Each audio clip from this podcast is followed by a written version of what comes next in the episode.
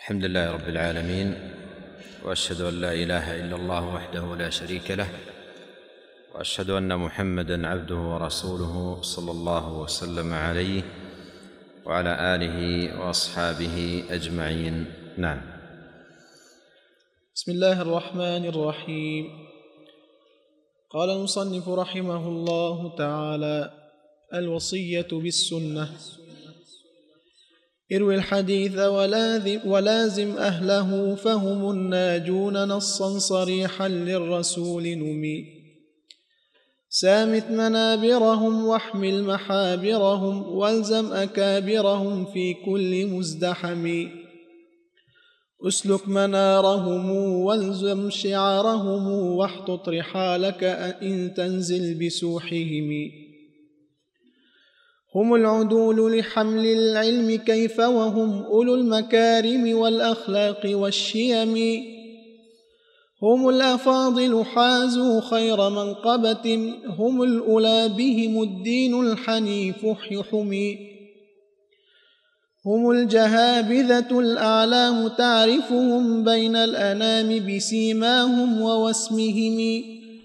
هم ناصر الدين والحامون حوزته من العدو بجيش غير منهزم هم البدور ولكن لا أفول لهم بل الشموس وقد فاقوا بنورهم لم يبق للشمس من نور إذا أفلت ونورهم مشرق من بعد رمسهم لهم مقام رفيع ليس يدركه من العباد سوى الساعي كسعيهم أبلغ بحجتهم أرجح بكفتهم في الفضل إن قستهم وزنا بغيرهم أبلغ أبلغ بحجتهم أرجح بكفتهم بكفة أحسن الله أبلغ بحجتهم أرجح بكفتهم في الفضل إن قستهم وزنا بغيرهم كفاهم شرفا أن أصبحوا خلفا لسيد الحنفاء في دينه القيم يحيون سنته من بعده فلهم أولى به فلهم أولى به من جميع الخلق كلهم يرون عنه احاديث الشريعه لا يالون حفظا لها بالصدر والقلم ينفون عنها انتحال المبطلين وتحريف الغلاة وتأويل الغوي اللئم أدوا مقالته نصحا لأمته صانوا روايتها عن كل متهم لم يلههم قط من مال ولا خول ولا ابتياع ولا حرث ولا نعم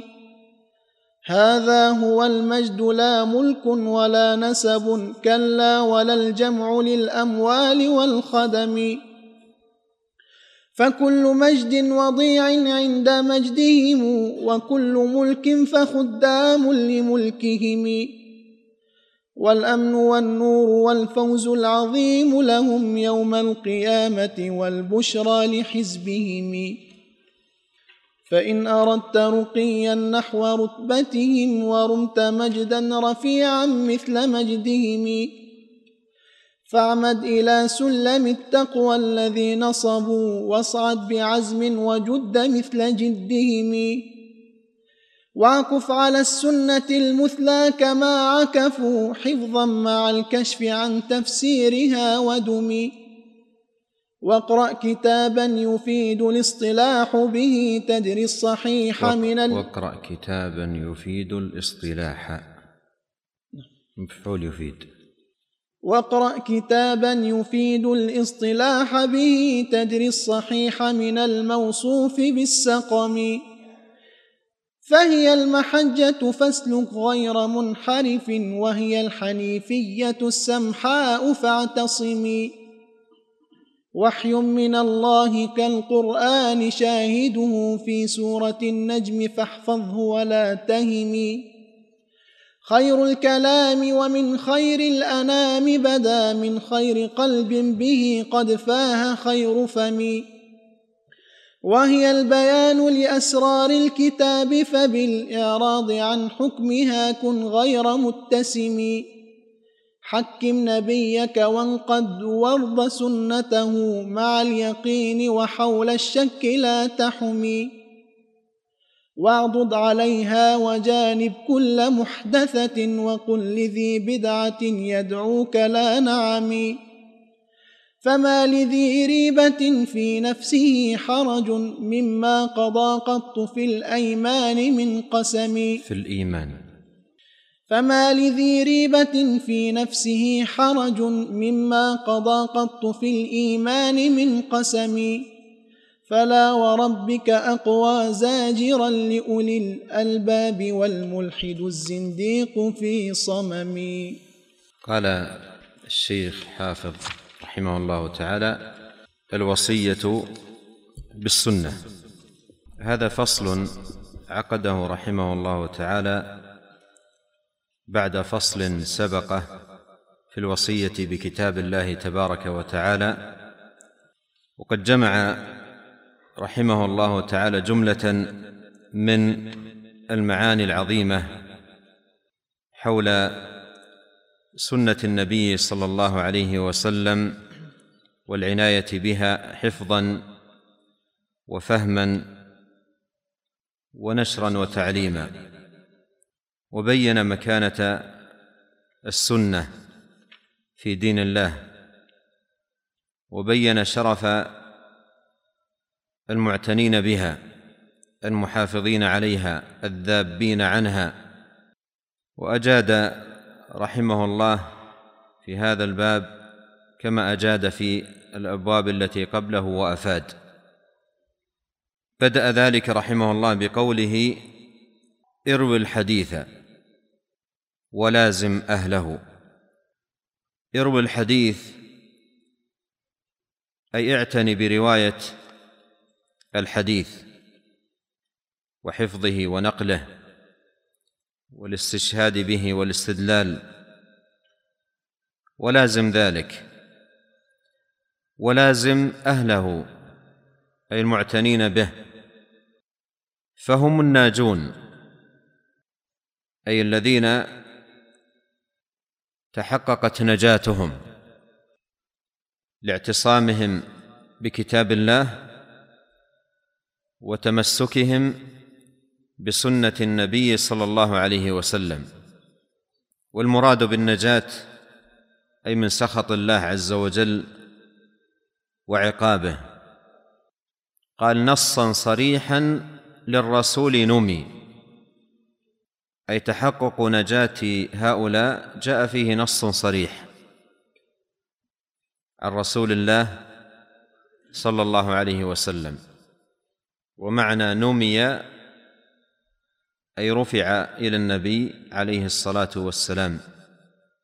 يشير الى ما رواه ابن ماجه والامام احمد وصححه الحاكم عن انس رضي الله عنه قال قال رسول الله صلى الله عليه وسلم ان بني اسرائيل افترقت على احدى وسبعين فرقه وان امتي ستفترق على ثنتين وسبعين فرقه كلها في النار الا واحده وهي الجماعه وفي روايه هم على ما انا عليه واصحابي او ما انا عليه واصحابي وقد روى الخطيب في شرف اصحاب الحديث وغيره عن الامام احمد رحمه الله انه قال ان لم يكونوا اصحاب الحديث فلا ادري من هم وجاء في الصحيحين من حديث المغيرة بن شعبة عن النبي صلى الله عليه وسلم قال لا تزال طائفة من أمتي ظاهرين حتى يأتي أمر الله وهم ظاهرون وفي صحيح مسلم من حديث ثوبان رضي الله عنه قال قال رسول الله صلى الله عليه وسلم لا تزال طائفة من أمتي ظاهرين على الحق لا يضرهم من خذلهم حتى ياتي امر الله وهم كذلك وروى الخطيب في شرف اصحاب الحديث عن يزيد بن هارون وعبد الله بن المبارك والامام احمد وعلي بن المديني انهم قالوا هم اصحاب الحديث قال ابو عبد الله الحاكم في كتابه معرفه علوم الحديث فلقد احسن احمد بن حنبل في تفسيره هذا الخبر ان الطائفه المنصوره التي يرفع الخذلان عنهم الى قيام الساعه هم اصحاب الحديث ومن احق بهذا التاويل من قوم سلكوا محجه الصالحين واتبعوا اثار السلف من الماضين ودمغوا اهل البدع والمخالفين بسنن رسول الله صلى الله عليه وسلم وعلى اله اجمعين الى اخر كلامه رحمه الله تعالى قال الناظم سامت منابرهم اي اقصد منابرهم والمنابر جمع منبر وهو المكان الذي يرتقيه الخطيب او الواعظ فمعنى سامت منابرهم اي اقصد مجالسهم مجالس التعليم والتفقيه في دين الله واحرص على حضورها والافاده منها واحمل محابرهم المحابر هي الأقلام ومراد الناظم رحمه الله أي احرص عند حضورك لمجالس أهل العلم أن يكون معك القلم والقرطاس لتقييد الفوائد فالعلم صيد والكتابة قيده والزم اكابرهم اي اكابر اهل العلم عليك بالاكابر كما جاء عن ابن مسعود رضي الله عنه انه قال لا يزال الناس بخير ما اتاهم العلم من قبل اصحاب محمد صلى الله عليه وسلم واكابرهم فاذا اتاهم من قبل اصاغرهم هلكوا رواه عبد الرزاق في المصنف وغيره والزم اكابرهم في كل مزدحم اذا ازدحم الناس وتجمعوا فليكن حرصك على المزاحمه بالركب عند الاكابر من اهل العلم والفقه في دين الله والقدم الراسخه فيه والعمر المديد في تحصيله وتعليمه والتفقيه فيه قال اسلك منارهم المنار من النور اي تمسك بالنور الذي تمسكوا به ونور كتاب الله عز وجل وسنه نبيه صلوات الله وسلامه عليه والزم شعارهم اي الزم الهدى الذي لزموه واحطط رحالك الحط الوضع ورحال جمع رحل وهو مركب للبعير والمراد اذا جئت قال واحطط رحالك ان تنزل بسوحهم جمع ساحه وتجمع ايضا على ساحات وهي الارض الفضاء بين الدور والمراد بقوله واحطط رحالك ان تنزل بسوحهم اي اذا جئت مكانهم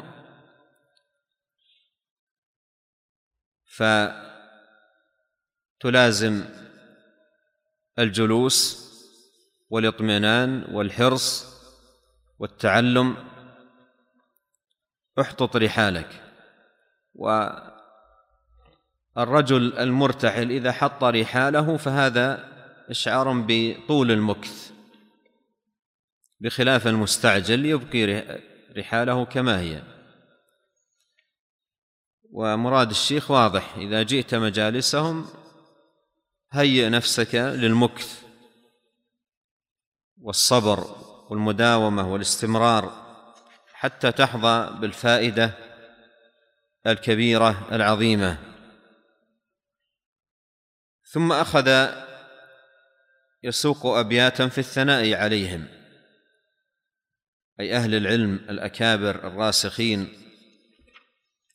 قال هم العدول لحمل العلم هم العدول لحمل العلم ذكر هنا عدالتهم وذكر علتها وهي انهم حمله العلم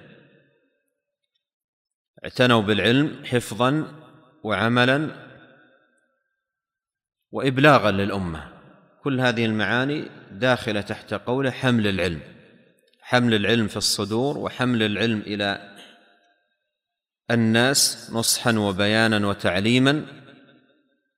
هم العدول لحمل العلم اي لكونهم حملوا العلم كيف وهم اولو المكارم والاخلاق والسيم أي ضم إلى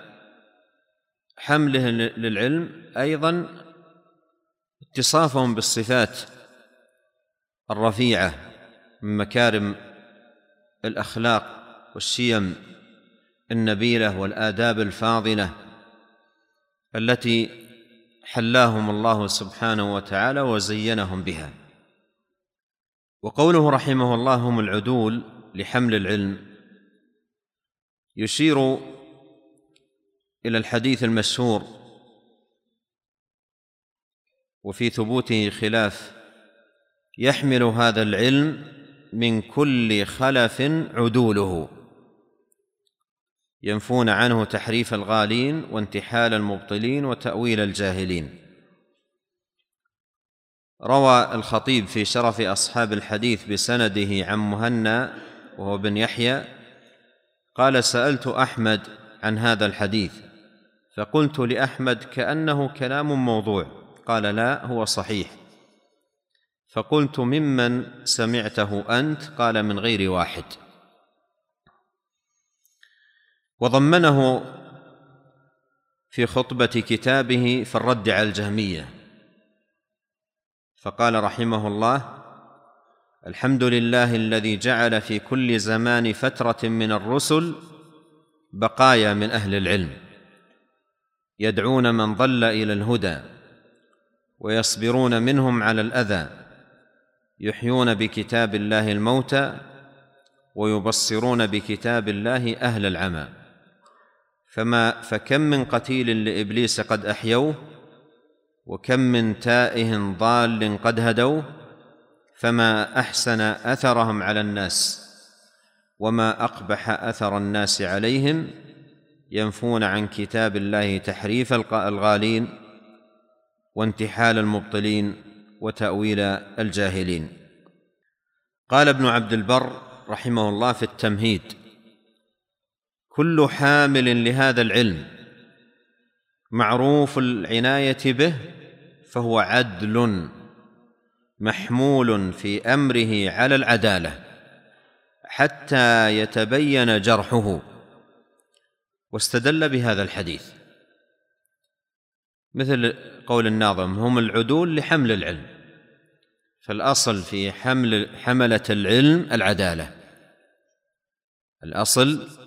في حمله العلم العداله ولا يخرج عن العداله إلا ببينة وإلا اليقين في الباب عدالته ولا يخرج عن هذا اليقين إلا ببينة وقال ابن القيم رحمه الله في مفتاح دار السعادة فهذا الحمل المشار إليه في أي في قول النبي يحمل هذا العلم قال فهذا الحمل المشار إليه في هذا الحديث هو التوكل المذكور في الآية يعني قوله تعالى اولئك الذين اتيناهم الكتاب والحكم والنبوه فان يكفر بها هؤلاء فقد وكلنا يقول الحمل هو التوكل المذكور هنا فقد وكلنا بها قوما ليسوا بها بكافرين فاخبر صلى الله عليه وسلم ان العلم الذي جاء به يحمله عدول امته من كل خلف حتى لا يضيع ويذهب وهذا يتضمن تعديله صلى الله عليه وسلم لحمله العلم الذين بعث به وهو المشار اليه في قوله هذا العلم اي الذي بعثت به قال فكل من حمل العلم المشار اليه لا بد وان يكون عدلا ولهذا اشتهر عند الامه عداله نقلته وحملته اشتهارا لا يقبل شكا ولا امتراء ولا ريب ان من عدله رسول الله صلى الله عليه وسلم لا يسمع فيه جرح فالائمه الذين اشتهروا عند الامه بنقل العلم النبوي وميراثه كلهم عدول بتعديل رسول الله صلى الله عليه وسلم ولهذا لا يقبل قدح بعضهم في بعض وهذا بخلاف من اشتهر عند الامه جرحه والقدح فيه كائمه البدع ومن جرى مجراهم من المتهمين في الدين فانهم ليسوا عند الامه من حمله العلم فما حمل علم علم رسول الله صلى الله عليه وسلم الا عدل ولكن قد يغلط في مسمى العداله او قد يغلط في مسمى العداله فيظن ان المراد بالعدل من لا ذنب له وليس كذلك بل هو عدل مؤتمن على الدين وان كان منه ما يتوب الى الله منه فان هذا لا ينافي العداله كما لا ينافي الايمان والولايه وقال في كتابه مدارج السالكين واستشهد الله عز وجل باهل العلم على اجل مشهود به وهو التوحيد وقرن شهادتهم بشهادته وشهاده الملائكه وفي ضمن ذلك تعديلهم فانه سبحانه وتعالى لا يستشهد بمجروح ومن هنا والله اعلم يؤخذ الحديث المعروف يحمل هذا الدين من كل خلف عدوله ينفون عنه تحريف الغالين وتاويل المبطلين انتهى كلامه رحمه الله تعالى قال رحمه الله هم الافاضل حازوا خير منقبه هم الأولى الأولى اسم موصول بمعنى الذي هم الأفاضل حازوا خير منقبة هم الأولى بهم الدين الحنيف حمي هنا يشيد بفضل حملة العلم بأنهم حازوا خير منقبة بما آتاهم الله سبحانه وتعالى من بصيره بدين الله وعنايه ببيانه للامه واشاعته في الناس هم الاولى بهم الدين الحنيف حمي اي انه ان الله سبحانه وتعالى قيضهم حماه للدين وانصارا للسنه فكانوا اهل ذب عن دين الله وعن كتاب الله وعن سنه رسول الله صلى الله عليه وسلم كما قال الامام احمد فيما مر يصبرون منهم على الاذى يحيون بكتاب الله الموتى ويبصرون بكتاب الله اهل العمى قال ينفون عن كتاب الله تحريف الغالين وانتحال المبطلين وتأويل الجاهلين فهم الحماة لدين الله أي أن الله سبحانه وتعالى حمى دينه بهؤلاء العدول الأفاضل الثقات الأخيار قال رحمه الله هم الجهابذة جمع جهبذ هم الجهابذة الأعلام تعرفهم بين الأنام بسيماهم ووسمهم هم الجهابذة الأعلام أي هم الأعلام أهل النبل والفضل والخير والرتب العلية تعرفهم بين الأنام بسيماهم ووسمهم أي أنهم بين الأنام معروفون بحسن السمت وطيب الهدي وجمال الخلق والبعد عن سفساف الأمور ورديئها التحلي بمكارم الأخلاق وفاضل الآداب والحرص على الخير تعرفهم بين الأنام بسيماهم واسمهم والسيما العلامة يقال سيما بالقصر وسيما بالمد السيما العلامة ووسمهم الوسم في الأصل أثر الكي وسمه يسمه وسما وسمة والمعنى عموما أن يعرف هؤلاء بعلامات وآثار تميزهم عن غيرهم والمراد بالعلامات والآثار الالتزام بالدين والتمسك بالسنة والتحلي بالأخلاق الفاضلة والآداب الكاملة والبعد عن سفساف الأمور ورديئها قال هم ناصر الدين والحامون حوزته من العدو بجيش غير منهزم هم ناصر الدين اي الذين قيضهم الله سبحانه وتعالى انصارا لدينه والحامون حوزته اي قيضهم حماه للدين وحوزه الدين حماه من العدو أي الذين حرصوا على الصد عن دين الله أو نشر البدع والباطل والضلال فهؤلاء أعداء للدين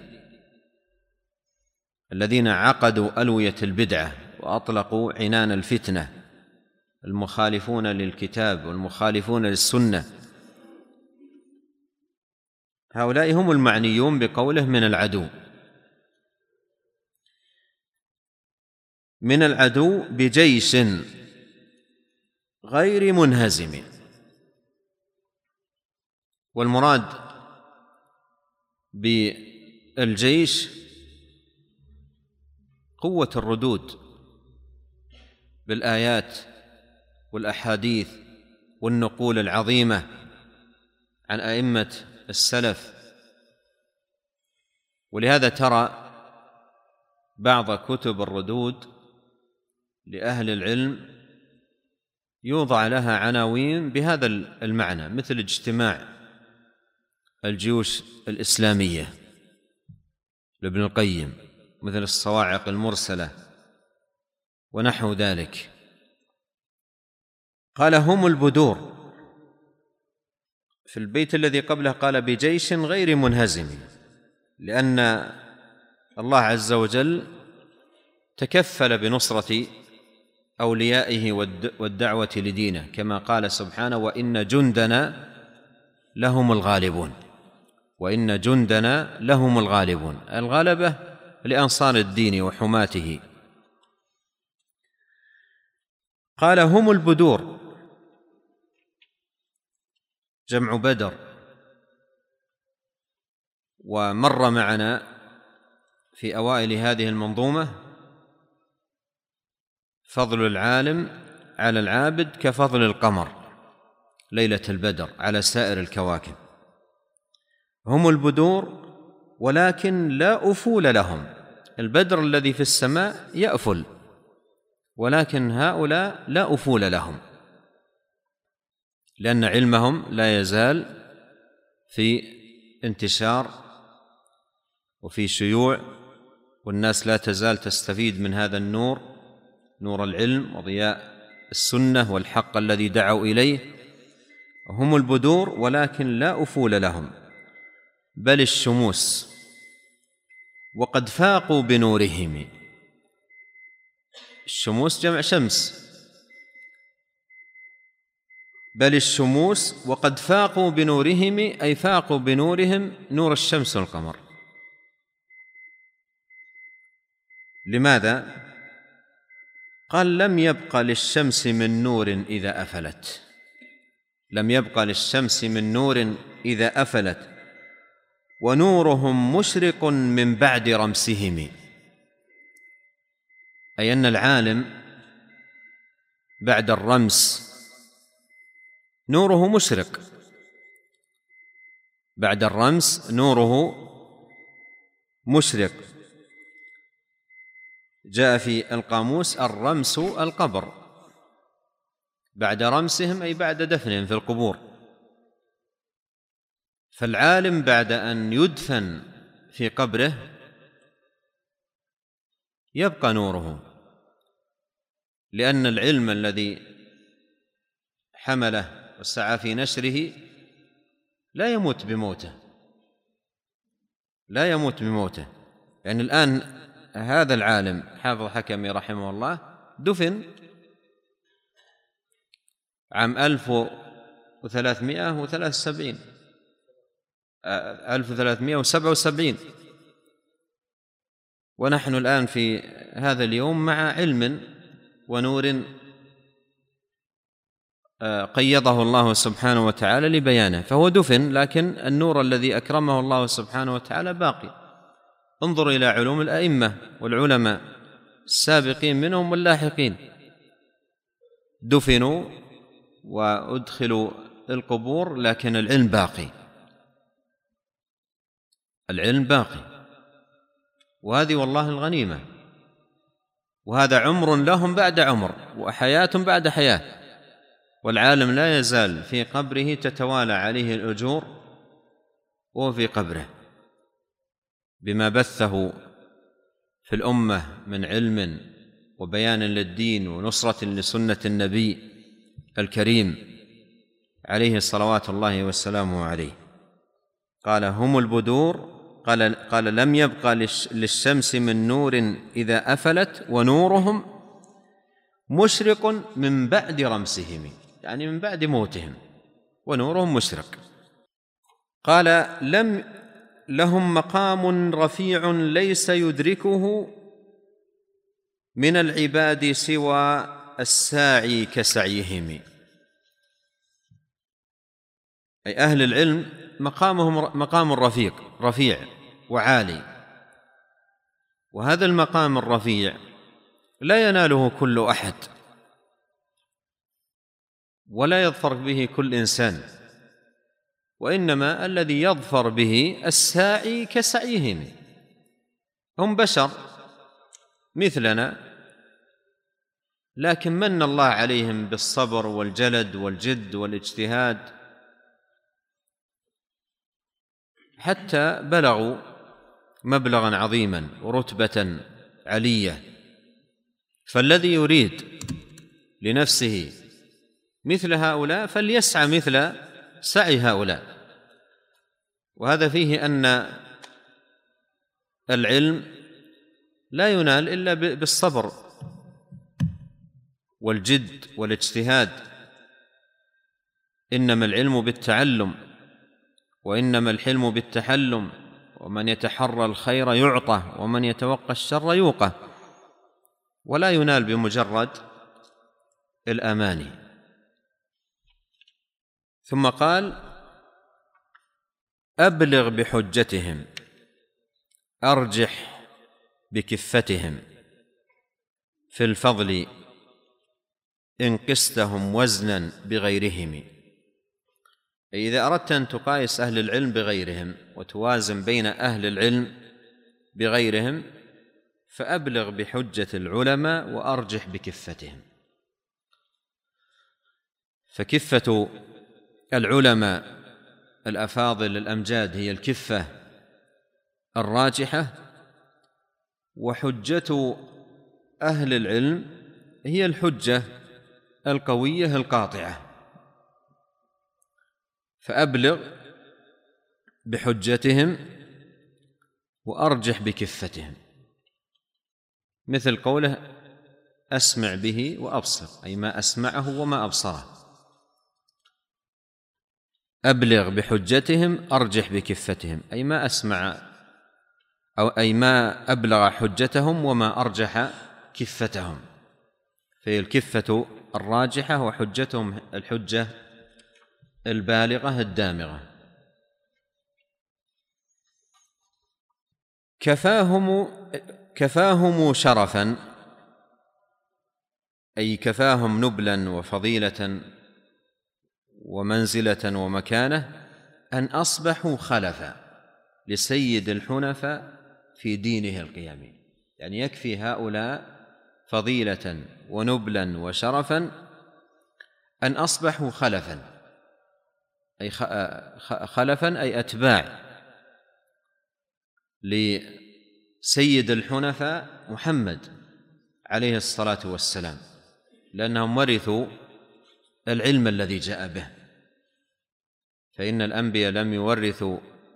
دينارا ولا درهما وإنما ورثوا العلم فهم خلفوا النبي عليه الصلاة والسلام في الدعوة للدين والانتصار للسنة ورد الباطل أن أصبحوا خلفا لسيد الحنفاء الحنفاء جمع حنيف وهو المائل عن الح... عن عن الضلال الى الباطل وعن الشرك الى التوحيد في دينه القيمي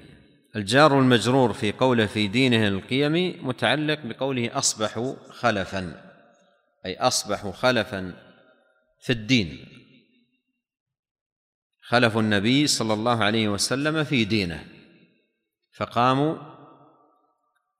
بالدعوه الى هذا الدين والانتصار له والذب عنه وحمايه حماه قال يحيون سنته من بعده وهذا بيان للخلافه التي في قوله خلفوا النبي يحيون سنته من بعده صلوات الله وسلامه عليه وقوله يحيون السنه فيه اشاره الى ان هؤلاء هذه وظيفتهم احياء السنن بخلاف طريقه اهل الباطل المبنيه على اشاعه البدع واماته السنن فاما العلماء العدول الاثبات مهمتهم احياء السنن يحيون سنته من بعده فلهم اولى به من جميع الخلق كلهم اولى بالنبي هم اولى الناس بالنبي عليه الصلاه والسلام لانهم قاموا مقامه عليه الصلاه والسلام في حمل الدين ونقله وبثه في الامه يروون عنه احاديث الشريعه يروون عنه احاديث الشريعه لا يالون حفظا لها بالصدر والقلم اي هذا وكدهم وهمهم روايه الحديث عن النبي عليه الصلاه والسلام لا يالون حفظا اي لا يدخرون وسعا وطاقه وجهدا في حفظ الحديث بالصدر والقلم بالصدر والقلم فهم يحفظون الحديث في الصدور ويحفظونه ايضا في السطور بكتابته في القرطاس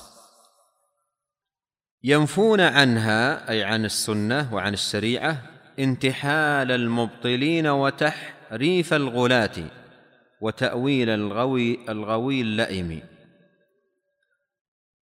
يشير الى الحديث المتقدم يحمل هذا العلم من كل خلف عدوله ينفون عنه تحريف الغالين وانتحال المبطلين وتأويل الجاهلين قال ابن القيم رحمه الله في غاثة اللهفان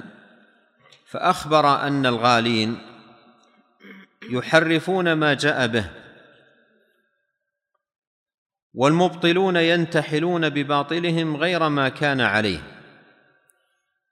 والجاهلون يتاولونه على غير تاويله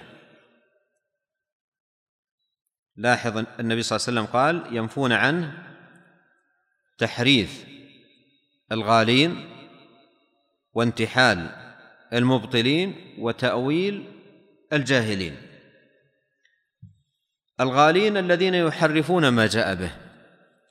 والمبطلون الذين ينتحلون بباطلهم غير ما كان عليه والجاهلون يتاولونه على غير تاويله قال رحمه الله وفساد الاسلام من هؤلاء الطوائف الثلاثه فلولا ان الله تعالى يقيم لدينه من ينفي عنه ذلك لجرى عليه ما جرى على اديان الانبياء قبله من هؤلاء أي من هؤلاء الطوائف الثلاثة انتهى كلامه وروى ابن عبد البر في التمهيد عن عبدة بن سليمان المروزي قال قلت لابن المبارك أما تخشى على العلم أما تخشى على العلم أن يجيء المبتدع فيزيد في الحديث ما ليس منه قال لا أخشى هذا بعيش الجهابذة النقاد لا أخشى هذا بعيش الجهابذة النقاد ثم قال رحمه الله تعالى أدوا مقالته نصحا لأمته صانوا روايته عن كل متهم أدوا مقالته مقالة النبي عليه الصلاة والسلام أي أحاديثه عليه الصلاة والسلام الشريفة ومعنى أدوها أي بلغوها للأمة الصحابة بلغوها للتابعين والتابعون بلغوها لأتباعهم ولسان حال كل يقول هذا ما أدي إلينا ونؤديه إليك إليكم تاما كما أدي إلينا أدوا مقالته نصحا لأمته هذا من كمال نصحهم للأمة أدوا مقالته وكانت مهمتهم في الأمة إبلاغهم بسنة رسول الله صلى الله عليه وسلم وهديه القويم صانوا روايتها أي الشريعة والسنة عن كل متهم المتهم لا يقبلون روايته والتهمة متفاوتة فمثل ما مر معنا أن الجهابذة النقاد هم الذين يميزون بين الرواة ومن الذي تقبل روايته ومن الذي لا تقبل ولهذا ألفت مؤلفات كثيرة لأهل العلم في هذا الباب باب الجرح والتعديل ومن الذي تقبل روايته ومن الذي لا تقبل جاء في كتاب التعديل والتجريح للباجي عن محمد يعني ابن سيرين انه قال ان هذا الحديث دين فانظروا عمن تاخذونه وقال عبد الله بن المبارك الاسناد من الدين لولا الاسناد لقال من شاء ما شاء وكان بهز بن اسد يقول اذا ذكر له الاسناد الصحيح هذه شهاده العدول المرضيين بعضهم على بعض واذا ذكر له الاسناد وفيه شيء قال هذا فيه عهده ويقول لو ان رجلا ادعى على رجل عشره دراهم لم يستطع اخذها الا بشهاده العدول فدين الله احق ان يؤخذ فيه بالعدول وقال عبده بن سليمان قيل لابن المبارك في هذه الاحاديث الموضوعه قال يعيش لها الجهابذه وقال الاوزاعي سمعت يزيد بن ابي حبيب يقول اذا سمعت الحديث فانشده كما تنشد الضاله فإن عرف فخذه وإلا فدعه أي عند أهل العلم وقال ابن عون لا يؤخذ هذا العلم إلا إلا عمن شهد له بالطلب وروى عن الم... وروي وروى المغيرة عن إبراهيم وهو النخعي قال كانوا إذا أرادوا أن يأخذوا عن الرجل نظروا إلى صلاته وإلى هيئته وإلى سمته وقال عبد الرحمن بن مهدي قال شعبة كنت أنظر إلى فم قتادة فإذا قال حدثنا كتبنا عنه وإذا لم يقل حدثنا لم أكتب عنه وقال عبد الرحمن بن مهدي خصلتان لا يستقيم فيهما حسن الظن الحكم والحديث يعني لا يستعمل حسن الظن في قبول الرواية عمن ليس بمرضي انتهى كلامه ثم قال رحمه الله لم يلههم اي هؤلاء العلماء الاعمال الاعلام حمله السنه لم يلههم قط من مال ولا خول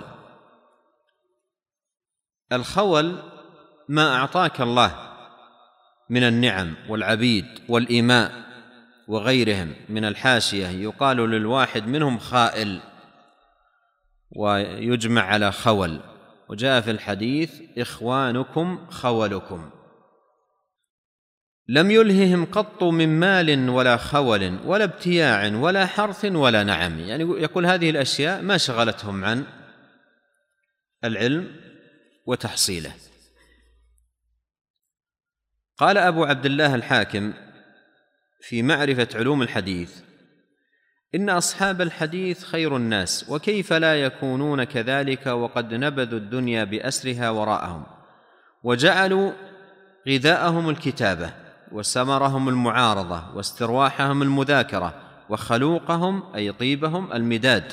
ونومهم السهاد واصطلاءهم الضياء وتوسدهم الحصى فالشدائد مع وجود الاسانيد العاليه عندهم رخاء ووجود الرخاء مع فقد ما طلبوه عندهم بؤس فعقولهم بلذاذة السنة غامرة تعلم تعلم السنن سرورهم ومجالس العلم حبورهم وأهل السنة قاطبة إخوانهم وأهل الإلحاد والبدع بأسرهم أعداؤهم ثم قال رحمه الله هذا هو المجد هذا هو المجد العناية بالعلم وبدين الله وبسنة رسول الله صلى الله عليه وسلم هذا هو المجد لا ملك ولا نسب لا ملك ولا نسب المجد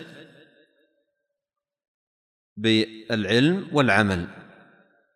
لا ملك ولا حسب ولا نسب كلا ولا الجمع للاموال والخدم وهذه كلها تنتهي هذه كلها تنتهي الا العلم باق والنفع به دائم يرفع الله الذين امنوا منكم والذين اوتوا العلم درجات وقد مر معنا في اوائل التعليق على هذه المنظومه قول المراه هذا هو الملك فكل مجد وضيع أصلحوها فكل مجد وضيع خبر كل فكل مجد وضيع عند مجدهم عند مجدهم كل مجد عندما يقارن بمجد هؤلاء فهو وضيع أي بالنسبة إلى مجد هؤلاء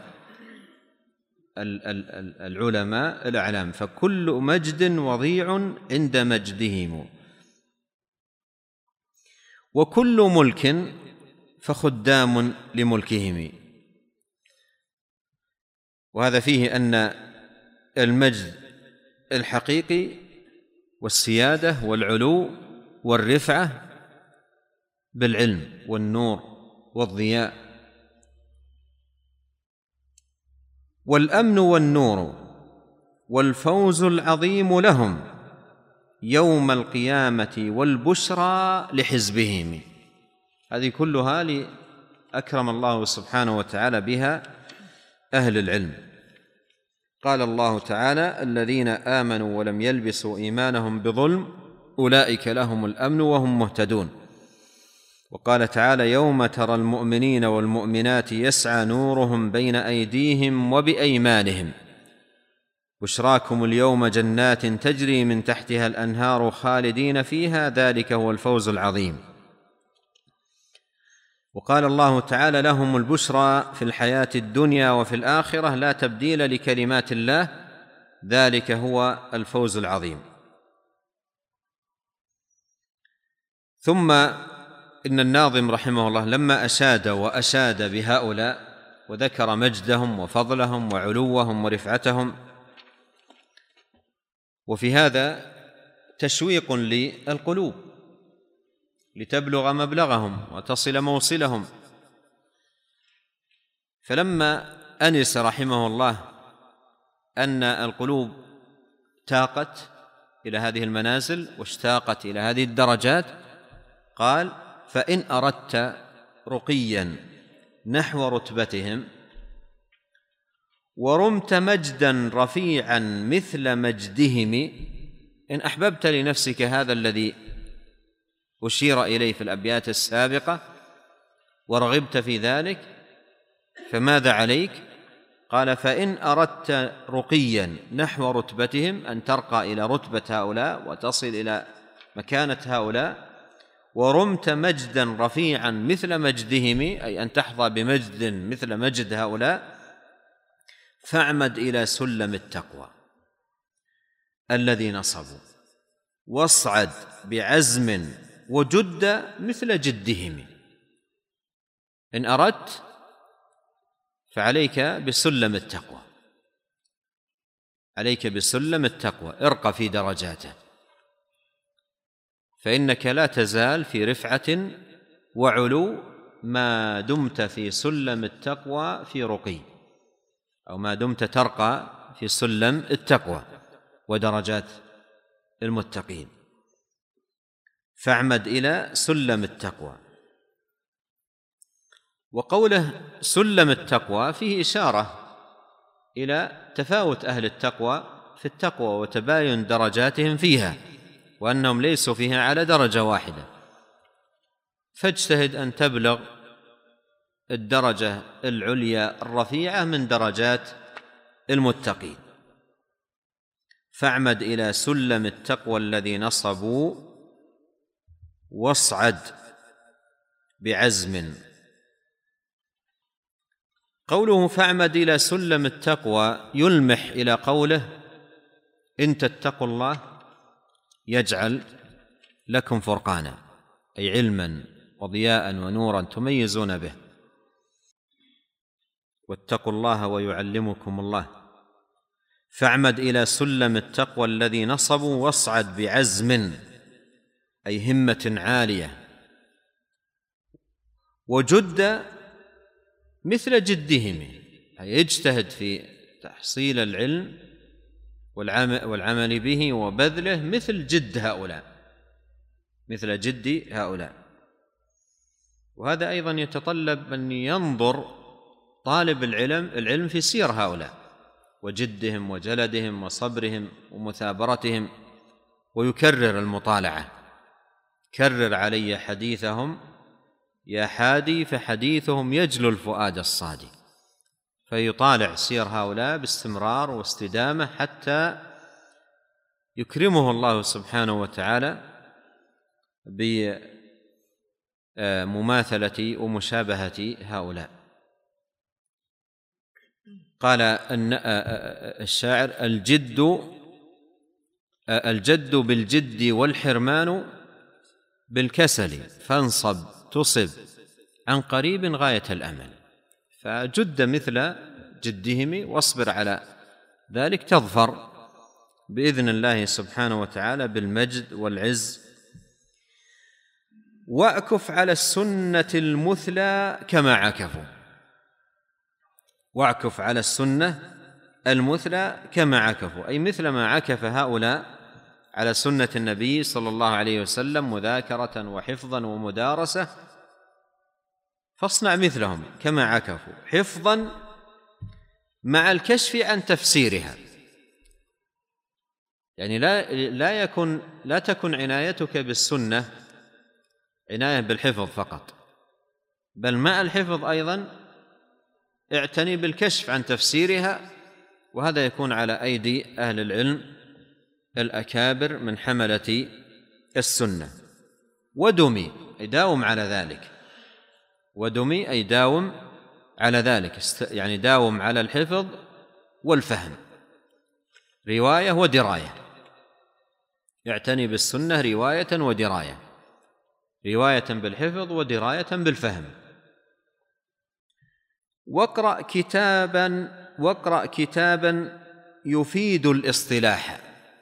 واقرأ كتابا يفيد الاصطلاح أي اقرأ في كتب مصطلح الحديث اقرأ كتابا يفيد الاصطلاح أي اقرأ في كتب مصطلح الحديث وأهل العلم لهم في مصطلح الحديث مصنفات عديدة فاقرأ في مصطلح الحديث والناظم رحمه الله له منظومه اخرى في هذا الباب سماها سبيل الفلاح في تحقيق متن الاصطلاح وقريبا من هذا العنوان فاقرا كتابا يفيد الاصطلاح الاصطلاح مفعول يفيد به تدري الصحيح من الموصوف بالسقم اي بهذا العلم علم الاصطلاح اذا قرات فيه وتعلمته به اي بواسطته وعن طريقه تدري الصحيح من الموصوف بالسقم تميز بين الصحيح والسقيم فعلم المصطلح هو علم من خلاله يستطيع طالب العلم ان يميز بين صحيح الاحاديث وسقيمها فيوصي هنا رحمه الله تعالى بالعنايه بهذا العلم قال فهي المحجه فاسلك غير منحرف فهي اي السنه المحجه اي الطريقه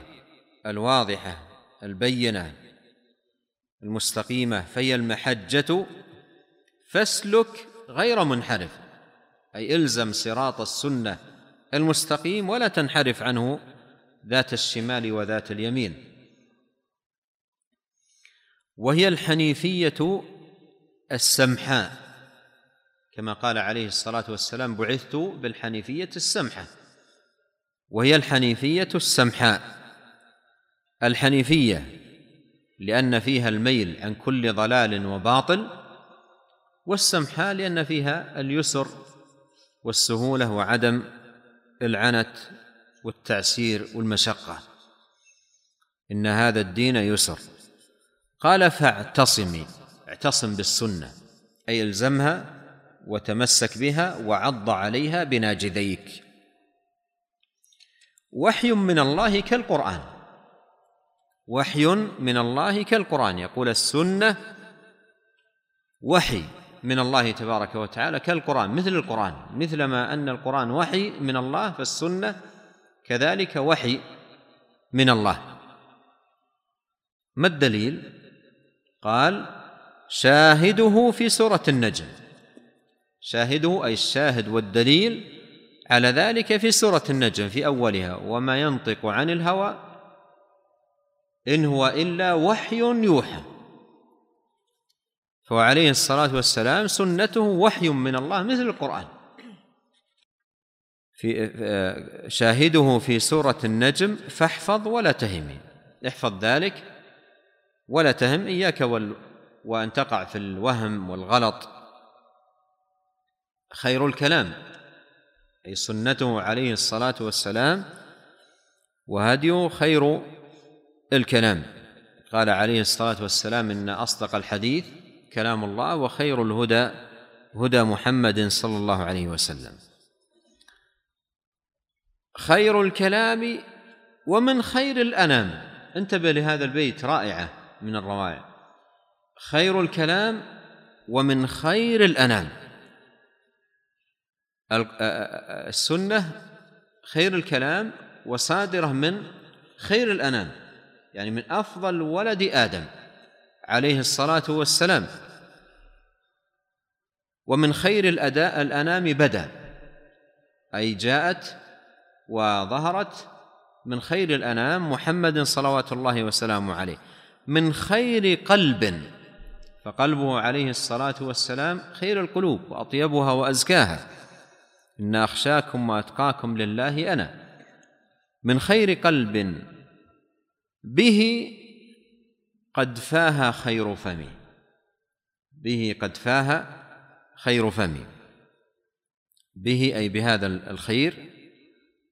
قد فاه خير فمي أي فم النبي عليه الصلاة والسلام فهذه ثلاث وجوه أربعة وجوه جمعها وجوه في الخيرية جمعها في هذا البيت خير كلام من خير الأنام وخير قلب وخير فم وهي البيان لاسرار الكتاب اي ان السنه شارحه للقران ومفسره له وهي البيان لاسرار الكتاب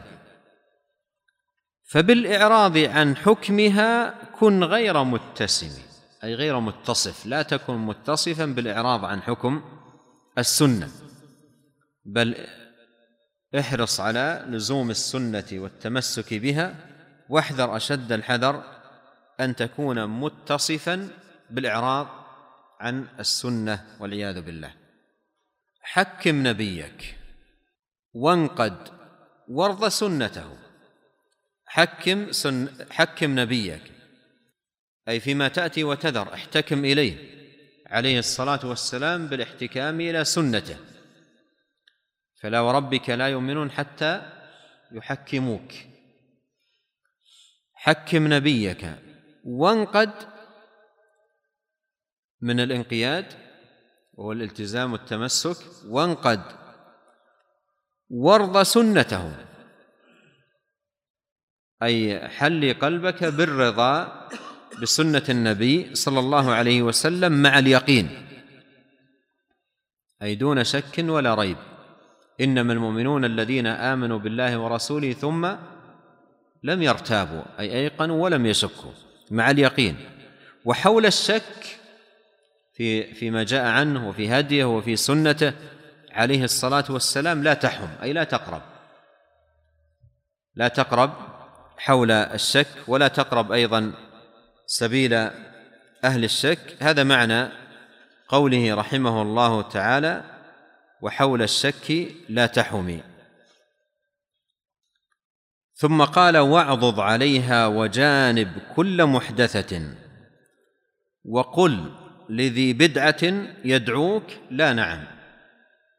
اي لا اقبل منك ولا اسمع اليك واعضض عليها اي على السنه بالنواجذ كما في حديث العرباض ابن ساريه قال عليه الصلاه والسلام انه من يعش منكم فسيرى اختلافا كثيرا فعليكم بسنتي وسنه الخلفاء الراشدين المهديين من بعدي تمسكوا بها وعضوا عليها بالنواجذ واياكم محدثات الامور فان كل محدثه بدعه وكل بدعه ضلاله فالشيخ رحمه الله جمع في هذا البيت هذا المعنى الذي جاء في حديث العرباض قال واعضض عليها وجانب كل محدثه وقل لذي بدعة يدعوك لا نعم إلى أسمع لك ولا أصغي إلى ما تقول فما لذي ريبة في نفسه حرج مما قضى قط في الإيمان من قسم ما لذي ريبة ذي الريبة أي صاحب الشك الذي في نفسه حرج وفي صدره ارتياب من سنة النبي عليه الصلاة والسلام ومما قضى فمن كان بهذه الصفة فما له في الإيمان من قسم فما له في الإيمان من قسم المعنى ما في الإيمان ما ما لذي نعم ما في الإيمان من قسم لذي ريبة ما في الإيمان من قسم أي من حظ ولا نصيب لذي ريبة في نفسه حرج مما قضى مما قضى به عليه الصلاة والسلام والدليل قال فلا وربك أقوى زاجرا لأولي الألباب والملحد والملحد الزنديق في صمم يعني أقوى زاجر عن ذلك قوله تعالى فلا وربك لا يؤمنون حتى يحكموك فيما شجر فيما شجر بينهم ثم لا يجدوا في انفسهم حرجا مما قضيت ويسلموا تسليما والملحد الزنديق في صمم اي صمت اذانه عن سماع هذا الحق المبين والنور العظيم قوله في البيت المتقدم وحي من الله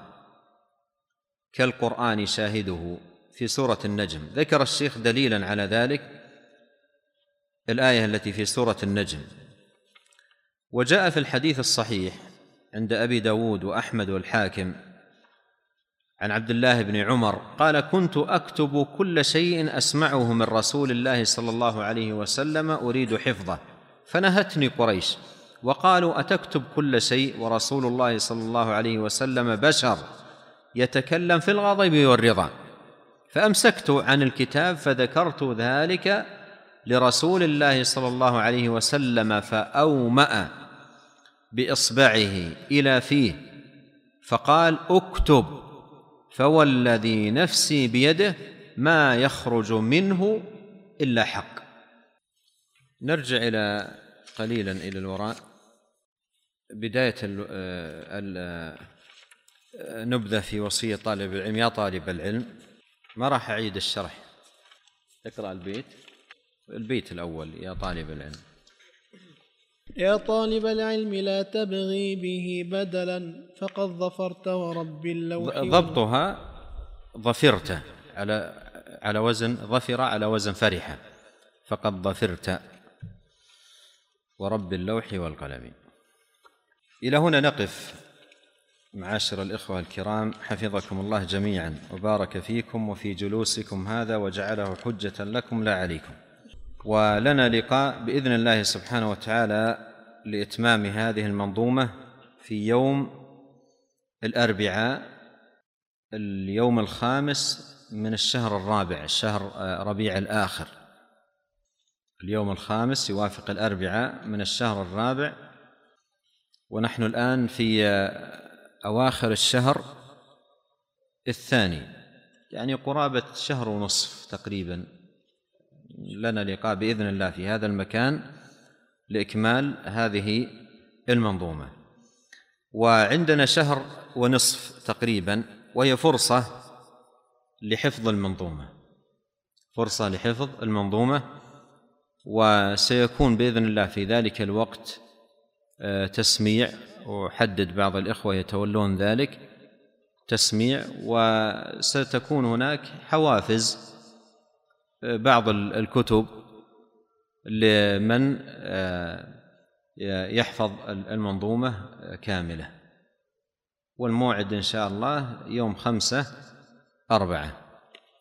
أنا أتوقع وأرجو أن يكون توقعي لا يخيب أن كلكم أنكم كلكم ستحفظون يسر الله امركم في الدنيا والاخره وبارك فيكم واعانكم على طاعته ومن علينا جميعا بالعلم النافع والعمل الصالح وايضا ادعو ل للعزاب بالزوجه الصالحه التي تعينها على العلم وعلى الطاعه وعلى العباده وأدعو للجميع بالتوفيق والسداد وهذه فرصة طيبة حقيقة اجتمعنا هذا الاجتماع وأنست بكم واستفدنا جميعا الله أعلم وصلى الله وسلم على رسول الله